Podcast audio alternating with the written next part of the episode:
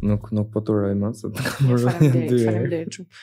Mbusha 30 dje edhe hm nuk e di, do të duhet të pres këtë after shock nëse është e vërtetë që ndodh menjëherë mbas të 30-tave. Nëse jo, është okay. okay. Ehm um, Unë të kam ftuar sepse dhe ti ke një podcast dhe mendova që të kishim një bisedë sot si dy podcastera youtuber apo podcaster që podcaster apo tashti ë uh, hm, nuk di si të përgjigjem pa ta pa ta pa ta shpjeguar konceptin e asaj që un bëja. Ë uh, ideja ishte që të bënim disa podcaste që mbulonin, uh, domethënë çështje të caktuara të shoqërisë civile. Okej. Okay. Por uh, un ndjeja që edhe nëse ti i bën këto inçizime, atëherë prap një grup i vogël njerëzish i ndjekin ata që janë gjithmonë të interesuar. Mm -hmm. Nga ana tjetër, un mendoj që njerëzit duhet t'i njohin këta njerëz të rinj, ta dinë si duken, uh, ta dinë si flasin, ta identifikojnë zërin me figurën, kështu që mendova që nëse i inçizojmë edhe me video ato episodet do ishte gjë e mirë, kështu që video pod, podcasting video ndoshta. Video podcast po. Ëm um, është shumë interesant, unë kam parë disa nga episodet e tua, domethënë një nga kur po bëja atë researchin në fillim për të filluar dhe unë podcastin tash, ok, Uh, më inspirove pak, më frymëzove. Tek uh, pjesa um, që kishe bërë një produkt, domethënë, dhe kishe finalizuar, sepse është Këtu në Shqipëri është pak e vështirë, unë të paktën e kam pas të vështirë për të gjetur pajisjet dhe për të filluar këtë eksperiencë të re, si me thënë. Dhe mm, ishte pak uh, qarje. Ju thoni fjalë të ndyra këtu te kanali? Ne themi. A, ah, okay. Se ne atë tek ne e kemi pa censurë. Po, jo, thjesht është ideja që qarje. Ishte qarje, po. Edhe për mua ishte qarje. Edhe unë kisha porositur, sorry, dy të ngjashme.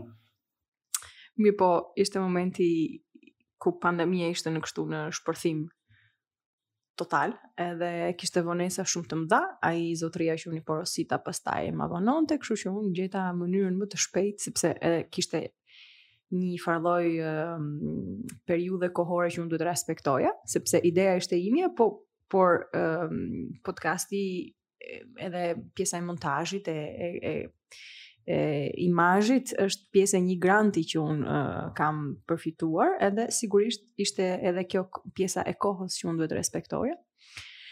Ehm, um, edhe kur e pash podcastin tënd, më ke shkruar ndoshta përpara një, një muaj, edhe unë nuk e dija që e kishe bër. Ah, uh, dhe m'u duk një e një standarti shumë profesional edhe shumë teknikisht i mirë ekzekutuar.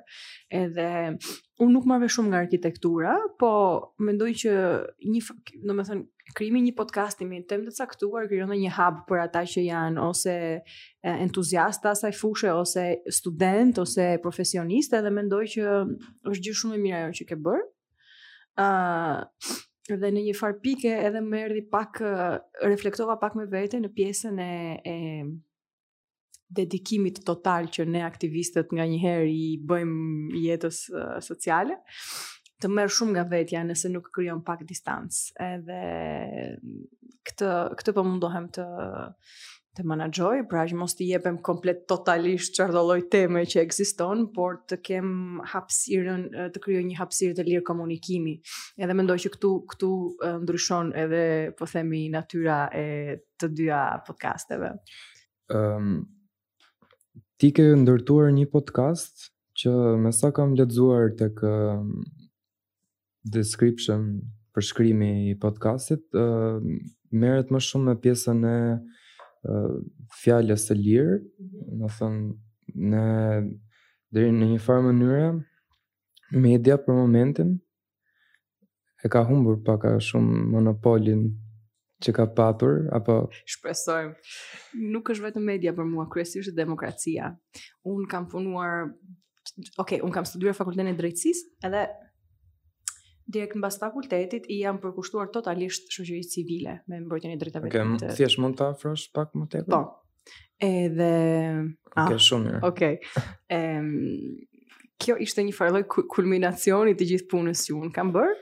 Ehm um, në, në të cilën un njihja njerëz shumë interesant që kishin platforma shumë interesante, por media nuk i mbulonte me me minutazh, me pjesëmarrje, kështu që um, ishte edhe kjo pjesa e marrjes së iniciativës e inovacionit që në Shqipëri mungon, edhe mm, ka rastisur në ka rastisur me kohën kur uh, vitin e kaluar në maj u shemb teatri kombëtar edhe u gjeta përpara një zgjedhjeje.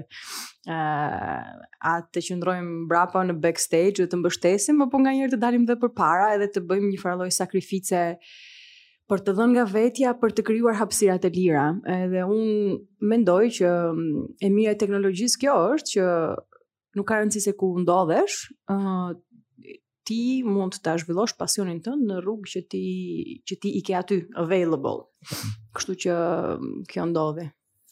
Ë uh, pjesa e podcastit për mua është bërë pak uh, Për momentin, ka zënë një pjesë shumë të madhe të kohës, po shpresoj që me kalimin e kohës t'ia marr pak dorën, sepse që nga fillimi kisha këtë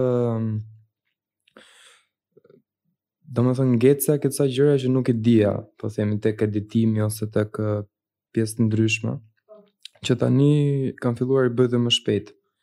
Kështu që më merr kohë, po ka filluar më merr gjithmonë e më pak kohë. Domethënë është për shembull ky një orëshi, që do shpenzojmë tani bashkë, mund të jetë dhe thjesht një gjysmëorësh më vonë për ta për ta publikuar.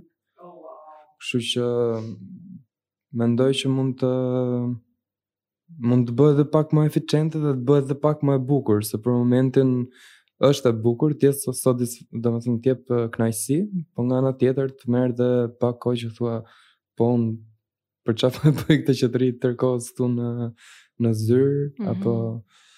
Um, ça ndodhi, pse, pse këtë podcast, si, si filloi uh, për ty? Atëherë, për mua filloi gjatë kohës kur isha në, kur isha në karantinë, dhe ndodhi që unë uh, kam një bëja një punë të dytë uh, përveç arkitektit bë, merresha me luaja muzikë nëpër disa lokale po themi muzikë domethënë muzikë muzikë po dhe kisha ca mjete nuk e di mikrofon mixer kish njihja një shokun tim që kishte një regjistrues e këto dhe thash, ok, uh, po sikur të merrem me diçka që mund ta bëj nga shtëpia, mm -hmm. që është uh, një mënyrë sepse arkitektura ka këtë gjë, ka pjesën e projekteve, po është edhe tek pjesa sociale. Domethënë mund të ketë dhe pak uh, hapësirë për të për t'i ndarë idetë e tua, ose në qoftë se s'i ndan idetë e tua, domethënë ngelesh gjithmonë brenda në, në zyrë. Dhe mënyra më e mirë për t'i ndarë për momentin, ça bëhet është që ti bën një website ku shpreh uh, projektet e tua, që projektet në një farë mënyre shprehin dhe ato idetë që ti ke. Por po shpeshherë mund dhe t'i artikulosh këto ideja, kështu që mendova po sikur këto bisedat që unë bëj me shokët e mi arkitektë, mund t'i vë një mikrofon përpara dhe në një farë mënyre si një lloj blogu t'i dokumentoj këto bisedat ose këto sfidat e përditshme që ne kemi ose në këto kjo ishte pak a shumë nisja uh, u bashkuan shumë pika bashkë në fakt se ishte edhe një moment që unë uh, ndrova mora një palë kufje me bluetooth që nuk i hiqa gjatë gjithë ditës dëgjoja vetëm po jo vetëm podcast thjesht dëgjoja shumë gjëra domethënë nuk e shpenzoj nuk konsumoja media uh, vizive po konsumoja audio shumë. Dhe kjo, domethënë, këto, në këto ujëra isha që u bashkuan disa pika në, në momentin e fillimit të podcastit. Um, ça mendimi ke për vazhdimësinë e podcastit tënd? Domethënë si... Um, Po, ok, ideja është që për, për një vit unë po mendoj të bënim diçka tek 25 plus podcaste. Temat janë të tilla që nuk janë të lehta, janë tema mm, goxha sociale, goxha nganjëherë progresive, em dhe nganjëherë të ekspozojnë ekspozojnë dhe njerëzit që unë ftoj në një farlloj, domethënë diskutimi social që është problematik, për shembull, temat si feminizmi, temat si censura ndaj medias, temat e aktivizmit jashtë Tirane. Të gjitha këto janë tema që kanë një farlloj edhe impakti social dhe politik. Edhe nuk janë tema të cilat e trajtohen me lehtësi. Domethënë, është tjetër gjë nëse ti e fton dikë dhe pyet për botën e vet, ça bën, edhe tjetër gjë nëse e fton si aktivist të flasi për platformën e vet, edhe është një farlloj peshe që duhet menaxhuar gjithmonë. Mundohem mundohem gjithmonë të jem e natyrshme që mos të krijohet kjo ideja që ne kemi një skaletë përpara dhe po i bim këtyre pyetjeve. E vërteta është se unë mundohem ta kem një strukturë sepse gjithashtu do kërkoja që të disa mesazhe të shkojnë përtej, uh, edhe që njerëzit t'i njohin aktivistët në më të mirën e tyre, uh, kështu që për mua është e rëndësishme ajo, edhe prandaj shënoj ndonjë gjë të rëndësishme. Um, por, uh, po, mendoj se brenda këtij viti i realizojmë 25 podcastet dhe kam një ide të përgjithshme se ku edhe si, edhe pastaj mbas një viti ndoshta e vazhdojmë me një në një hapësirë tjetër temash, të cilat ndoshta janë edhe më të më të lira për për diskutim. Por qëllimi i këtij projekti për shkak edhe të grantit që un kam përftuar është mbulimi mediatik i i i, i, i këtyre i këtyre temave, këtyre hapësirave, kështu që kjo është. Ëm ajo që doja të thoja është që është shumë interesante pjesa që ti ke një ide mm -hmm. dhe ke ekzekutuar domethënë këtë idenë dhe pak a shumë um, podcasti që kam krijuar unë mm -hmm. um, personat që kam ftuar përpara teje kanë qenë persona që kanë menduar një gjë dhe e kanë ekzekutuar në një lloj mënyre apo në një tjetër, ndoshta jo në mënyrë perfekte. Po. Po, domethënë dizajni në një farë mënyre lidhet edhe me këtë pjesën e ekzekutimit të disa ideve. Mm -hmm. Për shembull, ti ke ndoshta ke një uh, fokus tjetër tek podcasti jot, ndryshe nga podcasti im, por gjithsesi ke menduar, ke dizenjuar një proces të caktuar. Uh, ky procesi ka një lloj krijimi në vetvete. Domethënë ti ke një proces krijues, ke pjesa përveç temave që ti që ti trajton. Mm. ke krijuar ambientin e podcastit tënd, mm -hmm. ke krijuar atë siglën, mm -hmm. ke, domethënë gjitha këto pjesë pavarësisht se nuk janë ë uh, nuk lidhen me ato lidhen në një farë mënyre, po uh domethënë kanë këtë pjesën e krijimit, domethënë edhe mua më tepër, domethënë doja që të më Thoje pak më tepër për këtë pjesën krijuese se si si ka qenë për ty, domethënë uh, pjesa e krijimit të të gjitha këtyre mini strukturave të vogla mm -hmm. që ty të mbështesin atë idenë që ke nga mbrapa mm -hmm. um, idesë që do të përçosh, mm -hmm. si më thon. Shumë pyetje e bukur. Unë um, Si fillim një herë, duhet të falenderojmë Renis Batalin, mikun tonë të përbashkët që ka dizenjuar okay. e, siglën. Um, ka qenë periudhë shumë e shkurtër, edhe brenda organizatës ku unë punoja ka pas shumë diskutime nëse vlen si gjë apo jo, të marrësh një jurist edhe edhe edhe ti besosh një një projekt sepse thjesht sepse ajo mendon se kjo mungon në Shqipëri edhe di ta bëj mirë, është është një gjë që e vlerësoj shumë, megjithatë është një gjë risku. Por ka pas shumë net rresht që unë e imagjinoja këtë gjë kur e pyesja veten çfarë do të bësh, çfarë do të bësh, çfarë do të bësh. ë uh, ishte komplet uh, komplet e strukturuar në kokë si ide, mm, shpirti i, i gjësë, çfarë do transmetonte, po edhe se si do dukej. Kështu që një ditë i shkruaj Renisit dhe i them unë dua të bëjmë këtë gjë. Tani, kjo puna e siklës është interesante, sepse nuk është e çuar deri në fund, për shkak se kishte shumë vështirësi um, që të ekzekutohej ashtu siç unë e imagjinova, sepse po të vësh re është një vajzë që zgjohet në mëgjes, edhe që bën një rrugëtim aty me zhurmë dhe shkon tek sheshi Skënderbej dhe aty sipas idesë time ajo tek flamuri pra e shqiponja zbret poshtë edhe shoqëron atë në një tavolinë podcasti dhe njëra kokë pi duhan dhe tjetra ka vënë kufjet. E, kjo ishte shumë e vështirë për t'u realizuar sepse është e, animacion edhe unë nuk kuptoj nga ato gjëra, po e kuptova që aty iu iu desh shumë kohë edhe me aq buxhet sa kisha unë, ndoshta ia kam bërë dhe borxh, kështu që e falenderoj shumë Renisin që e, Faleminderit që si mik i mirë uh, e ka bërë atë punë, madje më ka gjetur edhe një një të dashur, më ka vendosur një të dashur aty uh, në në animacion Super Mario, edhe e ka që unë mos të isha vetëm pra në atë në, në atë lloj uh, qyteti bosh. Ehm um, e gjithë puna e podcastit është, është kreative dhe unë e vlerësoj realisht kam shumë respekt për këtë që po bën sepse um, që nga momenti ku ti e vendos si do duket, ku do zhvillohet, kë do mbuloj, temat që do përcaktohen është e gjithë punë kreative. Ku do për, përqendrohen pyetjet e tua, çfarë do ti me nxjerr prej kësaj, nëse ti do me nxjerr diçka prej kësaj. Um, e gjitha kjo është punë kreative, edhe um, është bërë një njëfarë lloj um, publikimi para disa kohësh, një një gazetë ndërkombëtare ka bërë një artikull për disa disa kreativë në Tiranë, e kur mua më kontaktuan, unë nuk e kuptoja pse ata pse ata më drejtoheshin mua si kreative, unë thashë unë jam aktiviste. Po. Edhe... Unë ta shpjegova pak tani pse. po, po. Edhe kur kur po, kur po ma po. ma shpjegoje, thashë po, është vërtet që është punë kreative.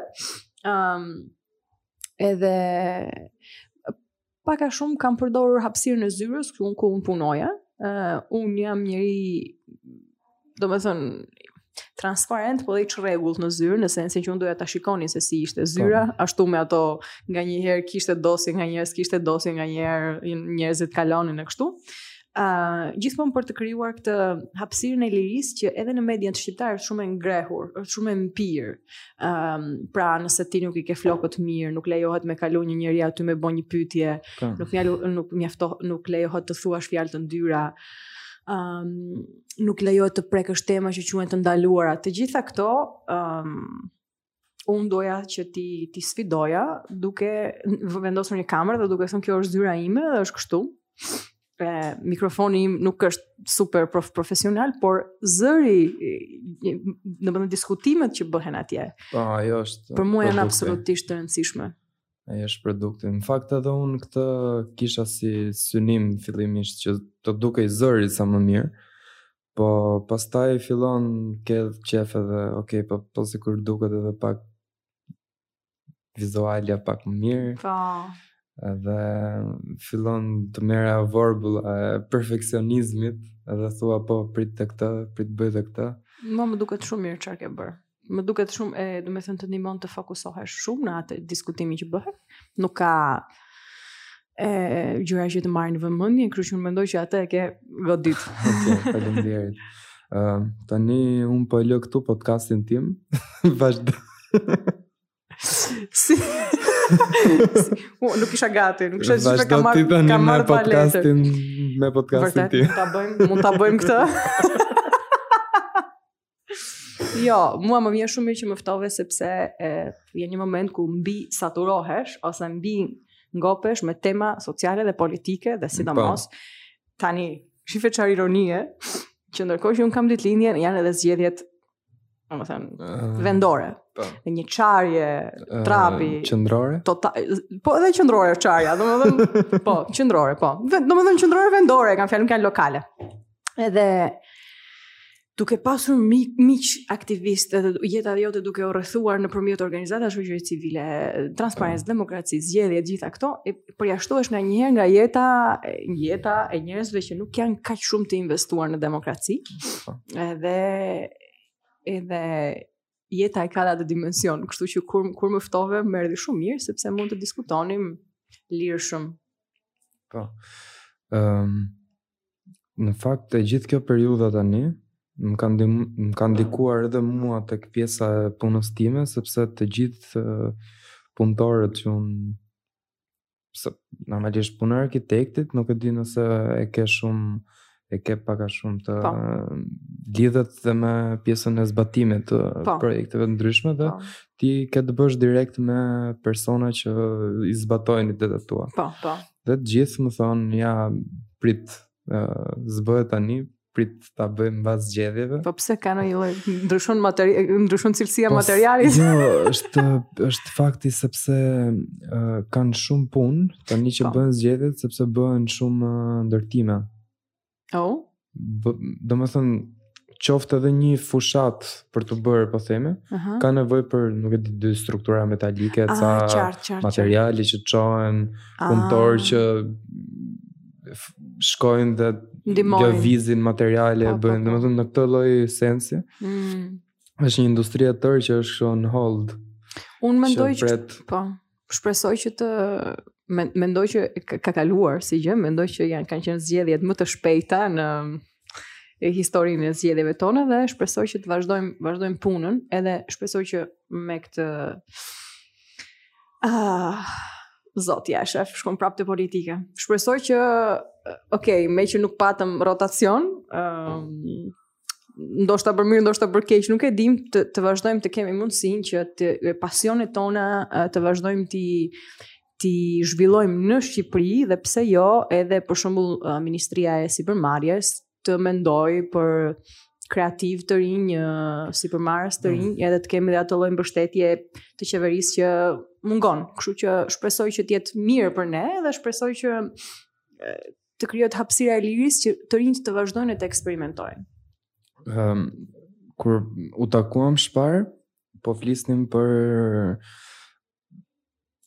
monetizimin në një farë mënyre të podcastit. Mhm, mm mhm. Mm Ti në një farë mënyre ke domethënë ke marrë një iniciativë po. me anë të një granti. Mhm. Mm um, ndoshta për ca njerëz që po na dëgjojnë ose që do Mhm. Çfarë të bëj? Do ndalojnë këtu duke e po. parë, ndoshta mund t'ia shpjegosh, ndihmosh dhe mua po, ndoshta për të. Po shumë shkurtimisht, po. Po. E, un kam punuar e, dy vjet e gjysëm për Fondacionin Europian të Demokracisë, kështu quhet në shqip, ajo quhet European Endowment for Democracy, e është un kam punuar si konsulente për Shqipërinë për ta, Edhe kryesisht puna ime e, kishte të bënte me raportimin e çështjeve të demokracisë këtu, pra politikë, media, aktivizëm, çështje sociale, edhe identifikimin e aktivistëve të rinj, në mënyrë që ata të krijonin të domethënë të, të krijonin iniciativat e tyre që më mbrapa EED-ja t'i financonte. Ëm um, Dhe mendoj se e kam bërë këtë shumë mirë. ë uh, Jo vetëm pse mund të duket atje në në, në performancë, por edhe sepse ka qenë një gjë që unë kam bërë me shumë pasion. E dhe ky fond, pra është një nga fondet më më fleksibël të të të shoqërisë civile dhe është një fond ë i cili është i themeluar në Bruksel Uh, edhe sigurisht që ka dhe një program program të vetin për Shqipërinë, kështu që kushdo që do të aplikojë është shumë i lirë, mund ta vendosim linkun ndoshta më poshtë atje. Po, e, po, e mira është që mua nuk më duhet që ta, domethënë nuk më është dashur ta monetizoj sepse qëllimi nuk ka qenë që unë të bëhem Jo, jo ta monetizosh në sensin e të krijosh të po. ardhura nga po. vetë iniciativa, po të kesh një një të ardhur, një të ardhur që të financosh, po themi, blerjen e pajisjeve po. dhe ndoshta me atë financim që ti ke bërë, ndoshta më vonë dhe mund ta vazhdosh në po. mënyrë të pavarur. Po, patjetër. Pajisjet janë atje, Um, edhe pa diskutim që podcasti do vazhdojë, megjithatë mendoj që për tema që janë, janë më, domethënë që nuk janë, drejtpërdrejt të lidhura me aktivizmin, po tema të rëndësishme për shoqërinë. Kështu që ajo është një investim që është atje edhe do vazhdojë në kohë. Ëm, um, por në rastin tim ka qenë edhe mirë sepse unë ëm um, më është dhënë pra liria mundësia që të paguhem prej tyre edhe të kem pavarësinë time kreative edhe profesionale.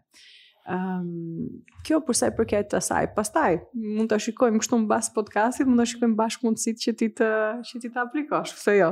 Jo, uh, ta thashë, sepse një nga arsyet uh, që nuk e thashë më përpara, kur po të shpjegoja psenë, sepse në të vërtetë ka pasur disa pse që fillova unë të merresha me podcastin. Okay. Uh, ti ke një problem me kufjet? Jo, jam okay. Nëse do mund t'i ngushtosh pak më shumë këtu sipër. Ku sipër? Te kjo pjesa këtu për shembull. Ah, ah, okay, okay, okay. Sorry se kemi kokën e vogël. Mhm. Ehm, ti mirë bëre që ma shpjegove, po ty tani t'u prishën flokët. Ata rregullojnë. Okej. Okay.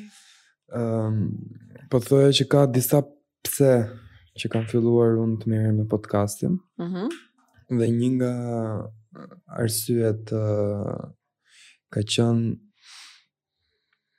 në Shqipëri arkitektët nuk kanë uh, shumë mundësi mbasi mbarojnë shkollën. Mundësia e vetme është të futesh në një punë mm -hmm. që është studio projektimi. Mm -hmm. Studio projektimi zakonisht është një aspekt ku ti prezantohesh me një realitet që nuk është ai shkollës që ti ke mbaruar. Mm -hmm. Është një fluks shumë i madh pune. Mm -hmm. Shpeshherë shumë ide nga ato që ti realizon nuk bëhen, ti demoralizohesh. Mm -hmm. uh, varianti tjetër është të fillosh punë në shtet, mm -hmm. që është po prap një lloj mënyre që ti prezantohesh me një lloj realiteti, realiteti tjetër nga i botës kreative që ke studiuar për 5 vjet. Mm. Dhe nuk e di nëse ky podcasti im në të ardhmen do shërbejë dhe si një lloj thirrje që ne të kemi shumë më tepër konkurse për arkitektët këtu në Shqipëri, sepse në të vërtetë mungojnë uh, konkurse për për çfarë? Konkurse për një shesh, për një skulpturë, konkurse për objekte, konkur... domethënë gjithë këto ndërtimet që bëhen për momentin janë të, uh, të thirrura, domethënë unë të thërras ty si arkitekt dhe më bën një gjë mm -hmm. vetëm ti. Mm -hmm, mm -hmm. Ndërkohë që nuk mos shkojmë shumë më larg në Prishtinë, para një jave u zhvillua një konkurs ku kanë marrë pjesë pafund arkitektë të rinj, të vjetër, uh, arkitektë të huaj, mm -hmm. bashkuar dhe me të rinj dhe me të vjetër që kanë propozuar një ndërtesë, në mos gaboj librari. Mm Kjo e bën gjithë ekosistemin e arkitektëve atje apo dhe në vende të tjera e bën shumë funksional dhe jep një lloj dimensioni tjetër, mm -hmm. ku ti me uh, marrjen pjesë në një konkurs mund të fitosh ku ta di unë një nga ato konkurset që mund të të mbulojë ty 3 vite punë, që të merresh me zbërthimin edhe zbatimin e atij projekti. Mm. Dhe të jep ty një lloj mundësie që me atë fitimin e atij konkursi ti të kesh një mundësi që të hapësh një zyrë, të kesh uh, dy tre pajisje të tua, është ajo që po flisnim për podcastin, po në fushën në fushën e arkitekturës. Mm -hmm. Kështu që Do shumë konkurse. Do një aktivist tjetër. Jo, si shiko, unë të gjithë, unë të gjithë nxjerr aktivist. Sepse, shiko, më kishin ftuar për një trajnim në Gjirokastër. Këtu flisnim pak për aktivizmin. Unë nuk jam eksperte për aktivizmin, por me aq vite sa kam punuar, mendoj se pak a shumë ia di muhabetin. Ah. Edhe ishin dy të rinj, më bën shumë përshtypje.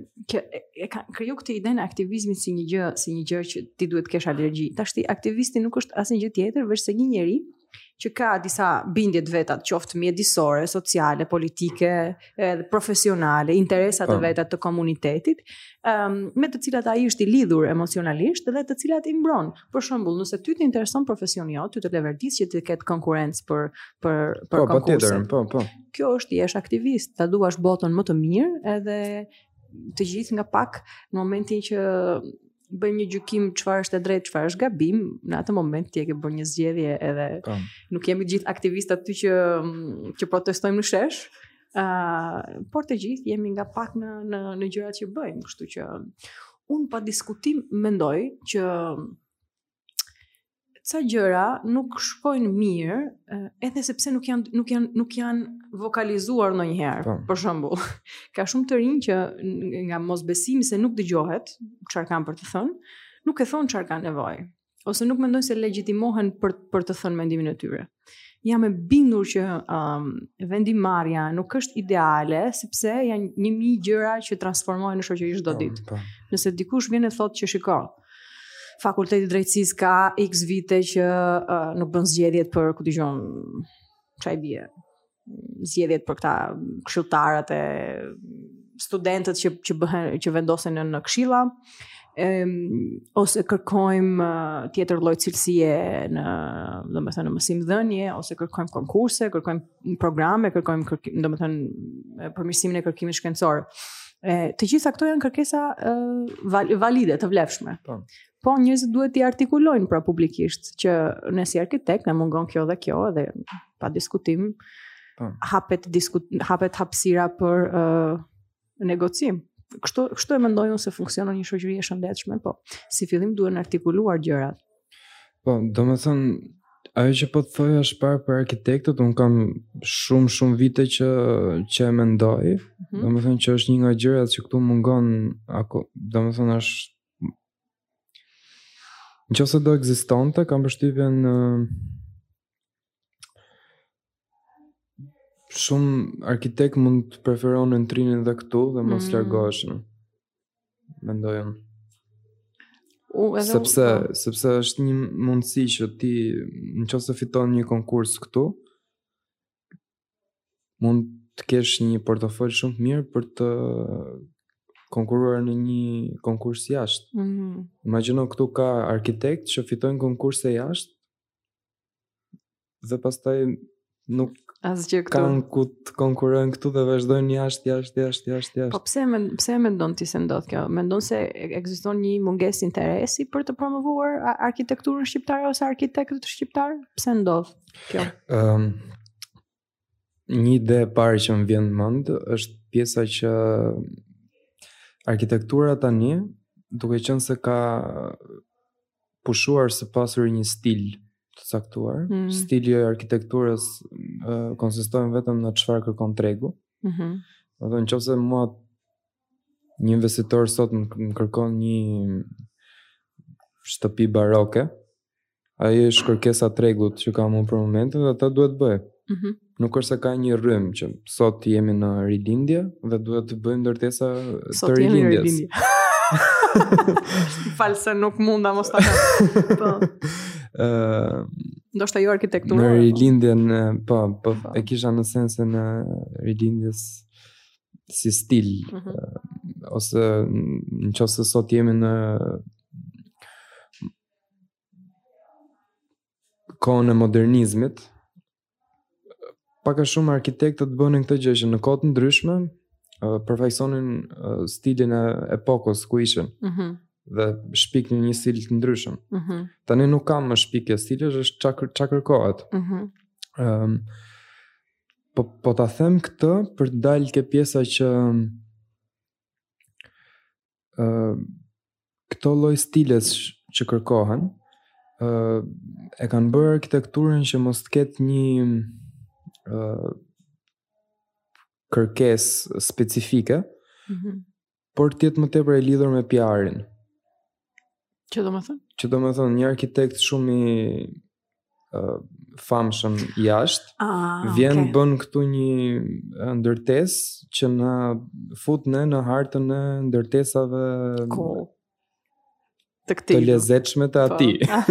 ah, dhe okay. promovon më tepër turizmin sepse ka njerëz të caktuar jashtë që vijnë sepse do shohim se në atë shtet ka një vepër të këtij arkitekti. Aha, okay, okay. Ndërkohë kjo në një farë mënyrë heq mundësinë që ne si Shqipëri të kemi një arkitekt tonin ndërkombëtar që njerëzit ta ta vizitojnë, ta vizitojnë sepse është ai dhe t'i hapet dhe rruga uh, në tregun global. Mm. Kjo është. Më kupton. Ça mendoj, ndoshta kam gabim. Jo është, është e qartë, është e qartë, po e, nuk e di, unë gjithmonë e kam... Ah, mm, kjo është hapësirë shumë interesante. A është Shqipëria hapësira edhe artistëve ndërkombëtarë po. apo një herë ne të vijmë çik në terezin e vet edhe pastaj pastaj të krijojmë hapësirë edhe për të tjerët. Mua shumë ndërtesa që janë po ndërtohen në Tiranë nuk më pëlqejnë, sepse vërtet ok, nuk ka një farë lloj stili, po ndjej që nuk, domethënë e për shembull Air Albania që është është ndërtuar, ndjej që nuk e ka pasur atë lloj konsensusi social ose dakordësie shoqërore që ne duam ta bëjmë kështu edhe me atë kullën. Domethënë po.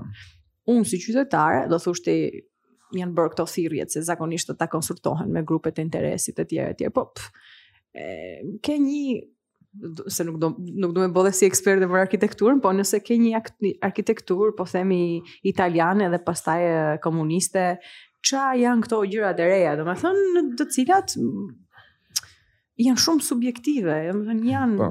të, të seleksionuara nga një grup njerëzish të cilët ndoshta i kanë shijet më të kultivuara se shqiptarët normalë, si ne të gjithë tjerët. Por por Shqipëria është të gjithë të tjerët. Shqipëria nuk është vetëm një dy artistë ose një dy tre vendimmarrës në fushën e arkitekturës. Do duhet të krijosh hapësira ku të gjithë shqiptarët ndjehen rehat. Po. dhe për për shembull Air Albanian unë s'kam ndonjë dëshirë është stadiumi i Tiranës po unë po, s'kam dëshirë të shkoj se s'më Kjo është në një farë mënyrë ajo që po them për konkurset ë uh, fakti që në disa kontekste të caktuara, për shembull, kam qenë kam bërë shkollën e arkitekturës. Ëh. Mm -hmm. Në shkollën e arkitekturës në që nga viti i dytë deri në vitin e fundit mm -hmm. simulohen projekte ëh konkrete. për shembull, në çdo semestër ke dy simulime. Po. ë Domethënë dy simulime vitin e dytë, dy simulime vitin e tretë, dy simulime vitin e katërt dhe në vitin e pestë për objekte konkrete. Mm -hmm. Po mhm. themi ë me siguri studentët e Fakultetit të Arkitekturës në vitin e katërt ose të pestë kanë pasur si detyrë projektimi për të bërë stadiumin e ri. Mhm. Mm mhm. Mm kam përshtypjen, jo kam përshtypjen, po është faktike që 50 studentë që mund të ketë pasur ai vit, po. kanë ardhur të 50 me një ide ndryshme. Patjetër. Kjo e bën që sado kritik i mirë të jesh ti, duke qenë se je përballë 50 zgjedhjeve të ndryshme, mm -hmm. ti do zgjedhësh një nga ato. Mm -hmm. Fakti kur ti zgjedh një objekt kundrejt 50, mm -hmm. që thua ky është ai që dua unë, mm -hmm. në një farë mënyre heq këtë dyzimin që kemi ne që pse është bërë ai stadiumi ashtu. Qoftë se do kishte tre variante të tjera, mm -hmm. ndër të cilat ne do kishim zgjedhur atë, mm -hmm. ne do thonim, "Ok, ai ishte më i mirë pak nga këta të tjerë. Në një farë mënyre po kur është vetëm një që zgjidhet një arkitekt që do bëj këtë. Ah, okay. A nuk e dija kështu. Unë kujtova se u bë një konkurs edhe thënë... edhe u zgjodh kjo, po. Ajo aq më keq për demokracinë pra. e kupton domethënë në ça aspekti e shoh unë këtë pjesën e konkurrimit në pjesën e arkitekturës? Mm. Është pak edhe e drejtë demokratike, në një farë mënyre që unë si arkitekt kem mundësinë për t'u shprehur për një që dhe mos ta fitoj. Patjetër. Po. Pra ti po më thua që këto veprat e mëdha këtu këtu bëhen me me komisionim. Pra ti i thua një arkitekti bëj këtë edhe se me sa di unë për vepra të rëndësisë publike do duhet të hapet një konkurs dhe mendoj se kështu ndodh, hapet një konkurs, por zgjidhet ai që është zgjedh par si me thënë, përpara se të hapet, si, si konkurrim, janë konkurrime fallco në një farë forme. Uh, janë bërë disa me konkurs, po ka të tjera që janë pa konkurs. Unë di të them që uh, unë si qytetar gjithmonë, po edhe në, se, në sensin estetik. Unë nuk marr vesh nga arkitektura, por e, më jo, po, më rëndon. Është një e drejtë demokratike që ti duhet ta mm, ushtrosh. Patjetër. Unë unë prandaj kam paguar shkollën, ke bërë shkollën, specializimet e tua. Që të kem të drejtën të ushtroj profesionin në vendin të. Domethënë, në qoftë se një doktor ose në qoftë se një jurist ka bërë një ndërmarrje që është shkolla, mm. ti ke të drejtë të ushtrosh atë lloj profesioni në një çështje madhore që është në Shqipëri. Po, të paktën si të hysh. Si kjo çështje që të ke që po merresh ti. Mm. Domethënë ti ndoshta nuk do e kishe këtë të drejtë në qoftë se do kishe një profesion tjetër. Mm. duke pa nga konteksti i juristes që unë jam, po. e shteti krijohet në bazë të disa të drejtave themelore që thua ti. Po, po. Edhe më vjen keq të di që ndodh kështu, sepse jam shumë e bindur që ka plot arkitekt shqiptar që kanë domethënë të drejtën të hyjnë me një me një projekt. Unë nuk di se si bëhen përzgjedhjet. Unë di vetëm që kur unë lëviz rreth e rrotull Tiranës, unë e, më stresohet syri për shkak të të, të kaosit të intensitetit të ndërtimit Po edhe nuk rrjedh si qytet, nuk ka sens, domethënë është një qytet i cili mbi këto, ndoshta këto ndërtimet e fundit, nuk ia gjej dot shpirtin Tiranës. Uh, dhe vërtet shpirti nuk është më ai i, i para 200 vjetëve, po shpirti është i të po. gjithë të rinjve i, i kësaj atmosfere të Tiranës sot. Ëm um, ose fakti për shembull që jashtë pjesës së qendrës së Tiranës, në zonat rurale, nëse ti do të shkosh edhe të marr të, të marrësh një shtëpi, le të është në një zonë pak më të qetë, nuk ke infrastrukturë, nuk ke shkolla, po themi me cilësi të njëjtë si si në Tiranë ose e, akoma mungon një farë lloj shtrirjeje e e standardit në Tiranë. Domethënë po mbi po mbitensionohet qendra edhe nga ana tjetër po bëhet shumë e shtrenjtë. Ëm um, nga ana tjetër për ne të rinjtë që kërkojmë të blejmë një shtëpi ose edhe atë shtëpinë ta kemi me cilësi të mirë. Ëm um, është shumë e shtrenjtë, por nga ana tjetër sa në zona sa më rurale të shkosh, aty atëherë është realitet tjetër komplet, Um, edhe këto të gjitha besoj është këtu është ndërthurja midis um, asaj që unë bëj edhe asaj që ti bën. pra, si ndikon arkitektura në jetën e cilësinë e jetës së, së njerëzve? Um, në fakt kjo është një nga temat që bisedohet më shumë në pjesën urbanistike për momentin. Mm. Nëse është e drejtë apo nëse është e arsyeshme që ne të shtrihemi dhe mos të jemi të dendur, mm -hmm. apo të jemi të dendur për të mos ngrënë natyrë. Mm. Domethënë, qoftë se ti mendon që qyteti është një njollë me sipërfaqe X, po. për të qenë sa më i vetëqëndrueshëm, mm -hmm. uh, ti duhet të jesh brenda kësaj njollës. Mm -hmm. Sepse sa më shumë zgjerohesh zgjerohet kjo njollë, preket aq më shumë natyrë, mm -hmm. preket uh, sistemi zgjerohet në një farë mënyre dhe zgjerimi i sistemit bën që ti uh, sa më shumë të ekspandohesh, të zgjerohesh, duhet të investosh aq më shumë rrugë, aq më shumë infrastrukturë, ë uh, infrastruktura është më shumë më tepër efiçente kur është më e dendur. Mhm. Mm ë uh, për shembull, pse duhet të paguaj unë një uh, rrugë mm -hmm. që mhm. duhet ta bëj uh, autoriteti jonë lokal. Mm -hmm. Për 10 vila që bëhen në një zonë diku larg Lundrës, që unë atje nuk do shkoj kurrë.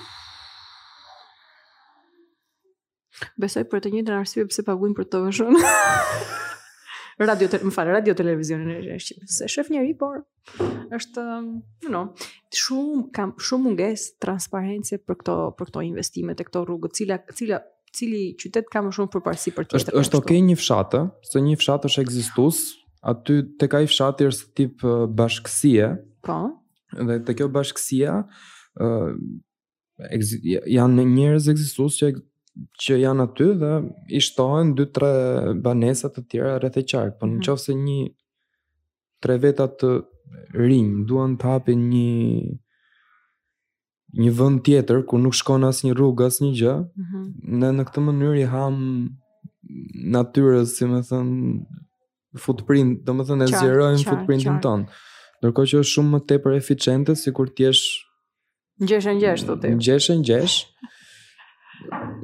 Është një teori, ë. Mhm. Mm S'do të thotë se gjitha teoritë janë në Po, jam dakord për njerëz që i pëlqejnë, domethënë, atë intensitetin, okay. Po për njerëz kreativ si puna ime, ëm, um, nuk e, Tirana në këtë moment të jetës vet të detyron në një mënyrë edhe të bluash bosh, të përsëritësh një realitet që është i mbyllur. Mm -hmm. Ndërsa natyra është kështu endless, domethënë është e pafund për nga kreativiteti edhe pafund për nga rigjenerimi, rigjenerimi që ty që ty të jep, ë nuk mendoj se nuk ka asgjë të keqe që për planet urbanistike që bën bashkia për shembull të bëhen në frymën e kësaj që ka njerëz që duan të krijojnë familje të reja të të blejnë shtëpi uh, jashtë nëpër fshatrat e Tiranës, po jo nëpër zona ekskluzive, por nëpër zona normale ku ku ka ujë, ku ka drita, ku ka infrastrukturë, ku ka spitale, um, duke natyrisht respektuar natyrën dhe duke iu bashkuar një komuniteti që ekziston. Po. Uh, mua më duket shumë e vështirë kjo pjesë. Domethënë mendoj gjithmonë, gjithmonë çdo ditë sa herë kalon shesh, çfarë ndodh me mua në momentin jo shumë të largët ku unë dua të blej një, një shtëpi. Është vendim shumë i madh, por mundësitë janë pak çdo çdo vit e më të më të vështira. Kështu që Po, dhe sa më shumë e lë pas dore, aq më shumë ngrihet çmimi. Dhe prandaj, dhe prandaj, prandaj njeriu bëhet agresiv. Sepse thjesht ti nuk fiton. Domethënë, e bën diçka, nuk fiton, nuk dëgjohet. Pastaj do me ble shpi, është shtrenjt, banka, e kjo, ajo. Domethënë, të gjitha këto gjëra e bën njeriun të, të, të nervozuar në këtë moment, në, në këtë moment në histori. Shohim më vonë, ndoshta, ndoshta më qetë, më mirë. po, më vonë do bëhet akoma dhe më shtrenjt. Nëse ti ma thu mu kështu, unë dal prej këtu dhe unë shkoj e blej direkt. um, për shembull, gjitha këto qytetet që kanë fituar pak uh, famë në Shqipëri thua jo, në vende të tjera. Mm -hmm. Kanë filluar kështu si vende artistësh. Oh, ok, po. Ok, në New York shkonin këto po. artistët, po. Parisin shkonin artistët. Edhe krijimi i këtyre shumë funksioneve brenda të njëjtit vend bëri që Prit se vijn ato që i pëlqen kjo dëndësia e mm. shumë gjërave në të njëjtin vend. Mm. Dhe tani nuk blen dot asgjë në Paris. Bad news, nuk di. Unë isha në në Lisbon para 3-4 vjet, 3 vjetësh po. Edhe edhe aty shtëpit kishin qenë shumë, kishin qenë të përballueshme, mirëpo me këto dyndjen e të gjithë, po themi shtrejtimin e këtyre kryeqyteteve të famshme botërore, njerëzit po fillonin po blenin shtëpi në Lisbon edhe aty aty kishte filluar prapë ishte ngritur çmimi i shtëpive. Uh, unë mendoj në sens shumë praktik që Shqipëria është vendi im dhe do duhet ta kesh një shtëpi në kryeqytetin e vendit tënd, por është është prap unë prap e them është vështirë për të rinjtë si ne me rrogat që këtu jepen qoftë në administratë publike qoftë kudo ku ti punon, nëse ti nuk e ke një punë uh, goxha të mirë, atëherë do duhet të bësh një jetë modeste dhe e dim të gjithë që ai që s'ka para është uh, nuk uh, si me thënë e ka çik vështirë. Nuk është shumë kritik, nuk është s'mund të jesh kritik kur s'ke pare në një farë forme. Po, po. nuk e di kush është për ty Po për mua studioja ideale e podcastit do ishte diku jashtë Tirane. Edhe unë, edhe unë. Që të merresha për shembull me arkitekturë dhe në kohën e lirë të bëja këtë podcastin që do ishte shumë mirë, domethënë. Sikur mund ta bësh. Ta kisha Dhërmi për shembull. Mund, e, mund ta bësh kështu si Summer Edition. summer Edition te nojë shpia e nojë nëne atje, e kështu shumë nice. Edhe unë e kam e di, po janë çikë, unë s'kam shumë eksperiencë të mirë me këto nënat. Da, po mirë me gjyshin, kë të dosh ti, domethënë gjej me çunat, I don't know. jo, e kam, pro, është problemi që kam vështirën, duhet bëhen ca struktura, pa nëna dhe pa gjysh në Dhërmi, që të thonë moment i fundit që ka Shiko, iku, erdi tjetri. këtu, këtu unë e ti e mendojmë ndryshe, sepse jam shumë dakord që duhet standartizu shërbimi, Po nga ana tjetër edhe nëna ka lezetin e vet. Unë shkoj te nëna në Qeparo çdo vit. E di po duhet të kesh fatin që të qelloj ajo nëna e mirë. E, e duhet ta njohësh një nënë, po duhet edhe ta mbash aty po e gjete. Shiko, ajo është pjesë e sharmit të Shqipërisë. Mungesa e standardizimit, kështu ai turizmi i egër. Ë, uh, mund të them, kam qejf atë pjesën e turizmit të egër, kur është i pastandardizuar në pjesën që ti shkon aty, janë shezlonat një çikë ashtu të papastrum. Të papastrum, Ke dhe dele aty te plazhi. Ke dhe dele, kjo më pëlqen, po pjesa që ngelesh jashtë, ajo dhe, dhe pas paske ngel paske ngel jashtë, paska qenë eksperiencë e keqe. Disa herë, disa oh. herë. Po. A kjo është arsyeja pse duhet me i thënë shoqnis? At, atyre që kanë eksperienca të mira për shkak. Domethënë, po, po me, me, në këtë mënyrë kanë funksionuar për shumë kohë. Mm -hmm. Po je duke kërkuar numra, po je gjithmonë kështu që ka pak ankth ti kur nisesh për të bërë rrugën 3 orë, mm. je kështu do kem një vend për të fjetur s'do kem. Po mirë, unë mendoj që ti ndoshta je edhe tipi që i thu sot për nesër, le ta them. Ja, ja. Se nëse i thu para një javë është e pamundur me ta bë ashtu. Jo, e kam thënë shumë përpara. Dhe okay. kam përfunduar që mm, kohët e fundit kam uh -huh. zën dy që i kam thënë kështu, okay, do vi. Mbaj atë vendin. Për këtë verë thua. Po. Po pse s'i bën një diss publik këtu tani as asaj nënës që ta ka bë borxh, ëh? Po që shife, shife ça po bëj, jam, si me thënë, jam në YouTube edhe I call you out se shpëton të tjerët me atë që nëna X nuk është për të besu sepse të lë jashtë. Po. jo, një mënyrë e mirë mund të jetë kjo pjesa e Airbnb ose këtyre mënyrave që ti i bën i prenoton online. Online, po. Dhe ato nuk ta bëjnë dot uh, cancel. Po. Unë nuk kam pas një eksperiencë të tillë me thënë drejtën edhe sepse kur kam dashur të shkoj në pushime e kam caktu edhe kemi fjet dhe jashtë. Po po, po dhe unë në çadër kam fjet. Po pra, e fu dhe një tendë, e kuptoj që s'të vjen mirë kur ti, si me thënë, ke atë pritshmërinë dhe përplasesh me njerëz që s'duan t'ia dinë, kështu që e kuptoj atë pjesë. Ama ë uh, Deti është i mirë. Këtu deti është i mirë, kështu që s'ke ça i thua asaj pjese. Ia kena fal gjitha. Kush më tha që është 26 grad? Unë mund të premten do iki në Dhërmi plako. Edhe kështu, Po, kam kam vendosur të marr 15 ditë pushim nga podcasti sepse ë uh, më duhet të gjej një një balancë midis ça është për mua edhe ça është e imja. Un jam e kam mbyllur Facebookun sepse ngaqë kam një grup miqsh atje që janë në korrent me çdo gjë që që që nuk shkon, ë vjen një moment që ti bëhesh njëtrajtësohesh me atë zë, po nga ana tjetër nëse ke një farë lloj iniciative tënden kreative, do duhet ta ruash pak atë distancën e, hmm. e, e kreativitetit. Kështu që... Interesante kjo. është për mua është e vështirë sepse unë kam edhe këtë që çdo çdo njeri që ftoj atje e ndjej me zemër, e ndjej me shpirt çfarë flet çfarë flitet aty, domethënë te podcasti i radhës flasim për aktivizmin ushqimor, pra diferenca midis farave autoktone shqiptare dhe farave mm -hmm. të cilat ti i merr nga kompanitë, të cilat e, e krijojnë një monokulturë të të ushqimit. Mm -hmm.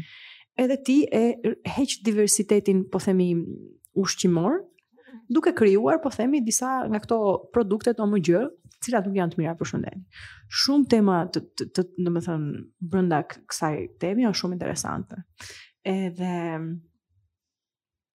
unë e kam me shumë pasion, domethënë, nuk ka diferencë midis meje kur regjistroj edhe meje si njeri, Mirëpo kisha dashë që...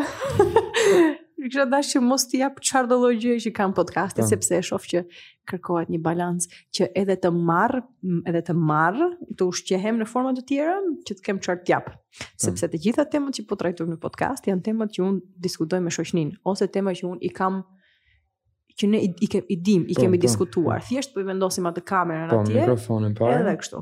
Mirëpo do duhet edhe të mësojmë gjëra të reja. Edhe po ju dhe, po ia dhe çdo gjë kësaj. Po. Nuk lë më hapësirë për të marrë gjëra të reja. Kështu që edhe kjo është e rëndësishme. Ndoshta për të gjithë profesionistët. Kjo pjesa e ezaurimit është reale, të paktën në zanatë që unë bëj. Jo kemi të bëjmë me emocione njerëzore dhe situata sociale gjithë kohës. Edhe të mbash pak ë distancë nuk hmm. është gjë e keqe. Ë uh, un mundohem që rrugën që bëj nga Brryli. Yeah. Deri këtu. Po. Të dëgjoj pak uh, lexoj ca libra që lexoj kam heq atë un për shembull jam shkëput nga Netflixi. Oh, wow, respekt pak. Kam heq abonimin e Netflixit. Wow. Është bë uh, 7 muaj, mm -hmm. diçka e tillë. Dhe abonimi i Netflixit i ka kaluar Audible. Okej. Okay. Është një platformë, një po, app që ti dëgjon. Që ti dëgjon libra dhe për shembull uh, ajo kushton uh, 16000 lekë. Mhm. Mm uh, dhe ti me këto 16000 lekë ke mundësi të lexosh një libër që pavarësisht sa mund të bëj 50 mi lek, po nëse bën 20 mi lek, 80 mi lek apo 90 mi lek, nëse është best seller apo çfarë lloj çmimi që të ketë ai, ti e merr me tarifën e abonimit. Po. Plus, qoftë se mbaron shpejt, e kthen dhe merr tjetër. Oh wow. Kam dëgjuar për këtë, është super. Është e mirë. Mu më më pëlqen shumë, shpeshherë i mbaroj 2 muaj një herë as një gjys as gjysëm je duke bërë shumë tani komplimente për veten shumë jo, publikisht jo po po mundohem po mundohem të them që jam shkëputur nga Netflixi sepse më duk më duhet më duket sikur e di si është një gjë në qoftë se unë tani këtu përdor ca plane përdor ca vizualizime, përdor ca mënyra të thënit të gjërave mm -hmm. me një oratori shumë të zhvilluar. Mm -hmm. Unë të bëj ty që ti të dyshosh ke ato faktet që di.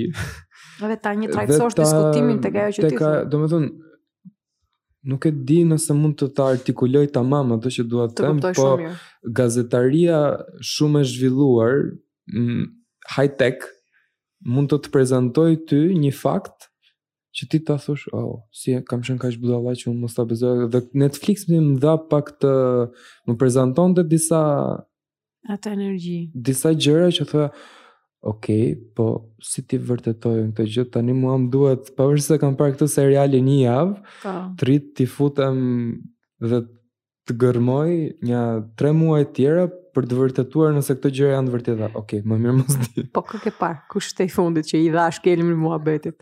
Ëm um, kjo social social dilemma. Aha, po. Ë uh, dhe disa të tjera për ngrohjen globale, e di sa konspiracione. Çike tre. jo, është është thjesht çështja që Ok, ato ashtu janë, po pse duhet të m'i prezantosh në atë lloj mënyre aq radikale që po sepse kanë është hm. ha ha ku më ke fut, shiko. Ë uh, e ke vënë re për shembull se si se si diskursi publik është i i bazuar mbi një farë lloj regjistri fjalësh edhe ato e caktojnë pastaj kush kush ka sukses në sferën publike edhe kush jo. Hmm? Kush është intelektual e kush jo. Domethënë, ty media të përfaqëson një realitet ashtu siç interesat e asaj kompanie e dëshirojnë. Pra nëse një kompani mediatike në Shqipëri është e afërt me një farë lloj drejtimi të caktuar, edhe retorika e tyre ka me qenë e tillë që ka me të kriju një farë lloj si me thënë, imazhi për realitetin që është i përcaktuar. Tani është logjike po. që një kompani ndjek një farë lloj interesi. Unë me siguri në në Amerikë këto interesa janë shumë më të fuqishme, shumë më mirë të të të të vendosura, edhe në një farë forme edhe sikur po e mono domethënë sikur po e monopolizojnë mendimin botëror nëpërmjet zhvillimit të tyre teknologjik, nëpërmjet po themi Netflix, nëpërmjet mënyrës së tyre komunikimit, nëpërmjet mënyrës amerikane të të menduarit të gjërave. Mm. Edhe këtu unë e solla prap, e solla prap muhabetin tek politika po është e rëndësishme. Ehm nuk ka mendime, domethënë, nuk ka njerëz më të mirë se tjerët, nuk ka shtete më të mira se tjerët. Ka, ok, interesa gjeostrategjik, gjeopolitik, po njerëzit duhet të kenë lirinë të zgjedhin atë eksperiencë që ju flet. Netflixi është kaq kaq uh, joshës për senset, për për zërin, për për gjithë grafikën, për gjithë uh, gjënë. Megjithatë është një nga e aplikacion, domethënë një nga mediat më më që të krijon më shumë varësi. Unë një natë po shikoja një serial, domethënë ishte ora 3 natës, nuk mundja më, por aq e fortë ishte dëshira ta dija çfarë ndodhi në fund, saqë më shpërthen një dhimbje koke, edhe kjo nuk është, mu duket budallik. Po po, domethënë filozofia e e e kompanisë është problematike. Kështu që me të drejtë ke thënë unë dua, unë dua ta shikoj jetën me filtra dhe s'dua ta shoh me filtra mo vëlla, dua ta shoh ashtu siç është. Ose thjesht mos të jem përpara televizorit i varur aty që klikoj këtë tjetra, skip intro. Po, edhe are you, are you still here? You still here? Po. E njëta gjë është edhe me median këtu, prandaj edhe unë kam bërë një hap të rrezikshëm. Tani, o zot, bëra 30 vjeç dhe tani po mendoj Dorel. Si i ke bërë gjithë këto gjëra me çar guximi? You need to chill. Po nga ana tjetër, Nëse nuk i bën sa je i ri me pas atë kokëtrashësinë që o oh, ne këtu nuk na mbulojnë ky zëri, zëri im si e re shqiptare, nuk përfaqësohet në media.